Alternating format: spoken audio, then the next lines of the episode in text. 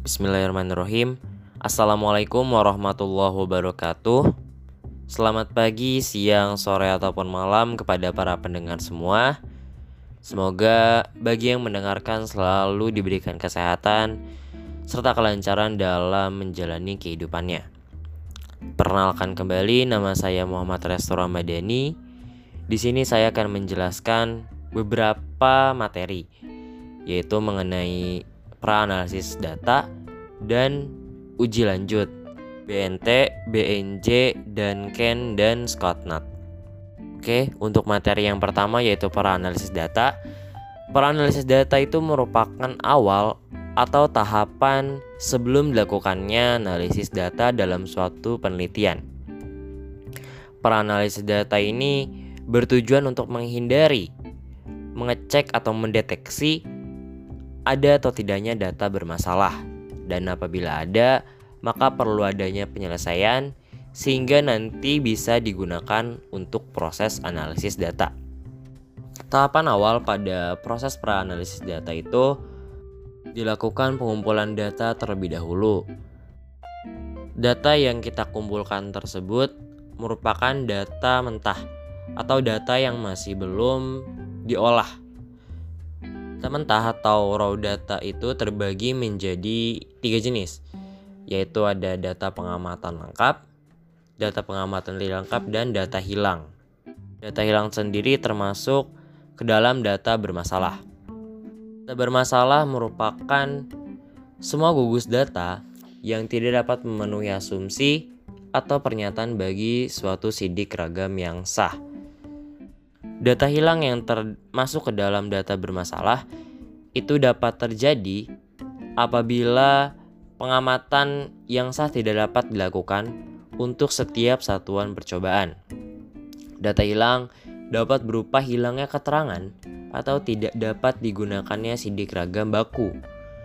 Data hilang secara umum dapat disebabkan karena adanya perlakuan yang tidak tepat, kerusakan pada tanaman percobaan, hilangnya data panen, dan adanya data yang tidak logis. Nah, selain data hilang, data bermasalah juga dapat terjadi karena melanggar asumsi-asumsi sidik ragam. Nah, asumsi sidik ragam itu di antaranya seperti pengaruh aditif, kebebasan galat, kehomogenan ragam, dan menyebar normal.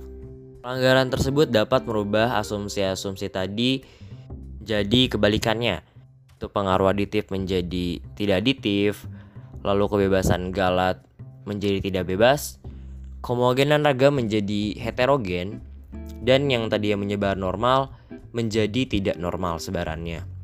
Mengetahui normal atau tidaknya persebaran data dapat kita lakukan dengan uji normalitas. Uji normalitas atau uji distribusi normal adalah uji yang dilakukan untuk mengukur apakah data mentah yang kita kumpulkan tersebut memiliki distribusi atau penyebaran normal atau tidak. Sehingga apabila normal dapat dipakai dalam statistik parametrik yaitu salah satu syarat untuk dilakukannya analisis ragam. Uji normalitas sendiri memiliki tujuan yang dimaksudkan untuk memperlihatkan bahwa data sampel berasal dari populasi yang berdistribusi normal. Uji normalitas perlu dilakukan karena uji statistik parametrik dibangun dari distribusi normal dan kita bisa berasumsi bahwa sampel kita itu benar-benar mewakili populasi. Hasil penelitian bisa digeneralisasikan pada populasi. Dapat hipotesis pada uji normalitas, yang mana apabila hasil ujinya itu tidak signifikan atau H0-nya diterima, itu maka berarti normalitas suatu persebaran atau distribusi itu sudah terpenuhi. Namun apabila sebaliknya, yaitu hasil ujinya signifikan, yang berarti H0 itu ditolak, maka berarti normalitas suatu persebaran atau distribusi itu dianggap tidak terpenuhi. Cara mengetahui signifikan atau tidak signifikan yang hasil uji normalitas adalah dengan memperhatikan bilangan pada kolom signifikansi. Nah, apabila penyebaran data tersebut diketahui tidak normal, maka perlu kita lakukan transformasi data. Transformasi data ini tidak hanya berguna untuk mengubah data yang tadinya persebaran tidak normal menjadi normal, namun juga dapat digunakan untuk mengubah asumsi-asumsi yang terlanggar agar dapat terpenuhi, sehingga siap untuk dilakukan analisis. Nah, terdapat tiga macam transformasi data berdasarkan dengan kriteria atau asumsi yang berkaitan. Yang pertama ada transformasi logaritma.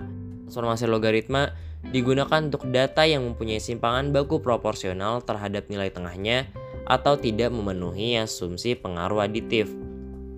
Lalu yang kedua itu ada transformasi akar kuadrat. Transformasi akar kuadrat ini digunakan untuk data yang ragamnya cenderung proporsional dengan nilai tengahnya atau tidak memenuhi asumsi kehomogenan ragam. Digunakan juga untuk data presentase dengan kisaran 0 sampai 30%. Lalu yang ketiga ada transformasi Arcusin. Transformasi Arcusin ini digunakan pada data yang proporsi atau persentasenya itu diperoleh dari nisbah jumlah data. Apabila transformasi data sudah dilakukan dan data-data dari asumsi-asumsi yang terlanggar tersebut sudah terpenuhi, yang mana berarti data-data ini sudah siap untuk dilakukan ke tahap selanjutnya yaitu tahap analisis data atau analisis ragam. Bisa juga kita sebut dengan ANOVA atau analisis varian. Singkatnya, analisis ragam ini akan menghasilkan nilai F hitung, yang mana apabila F hitungnya kurang dari F tabel, maka hipotesis nol dapat diterima, yang artinya perlakuan tidak berpengaruh nyata terhadap respon. Dan proses analisis dihentikan sampai sini.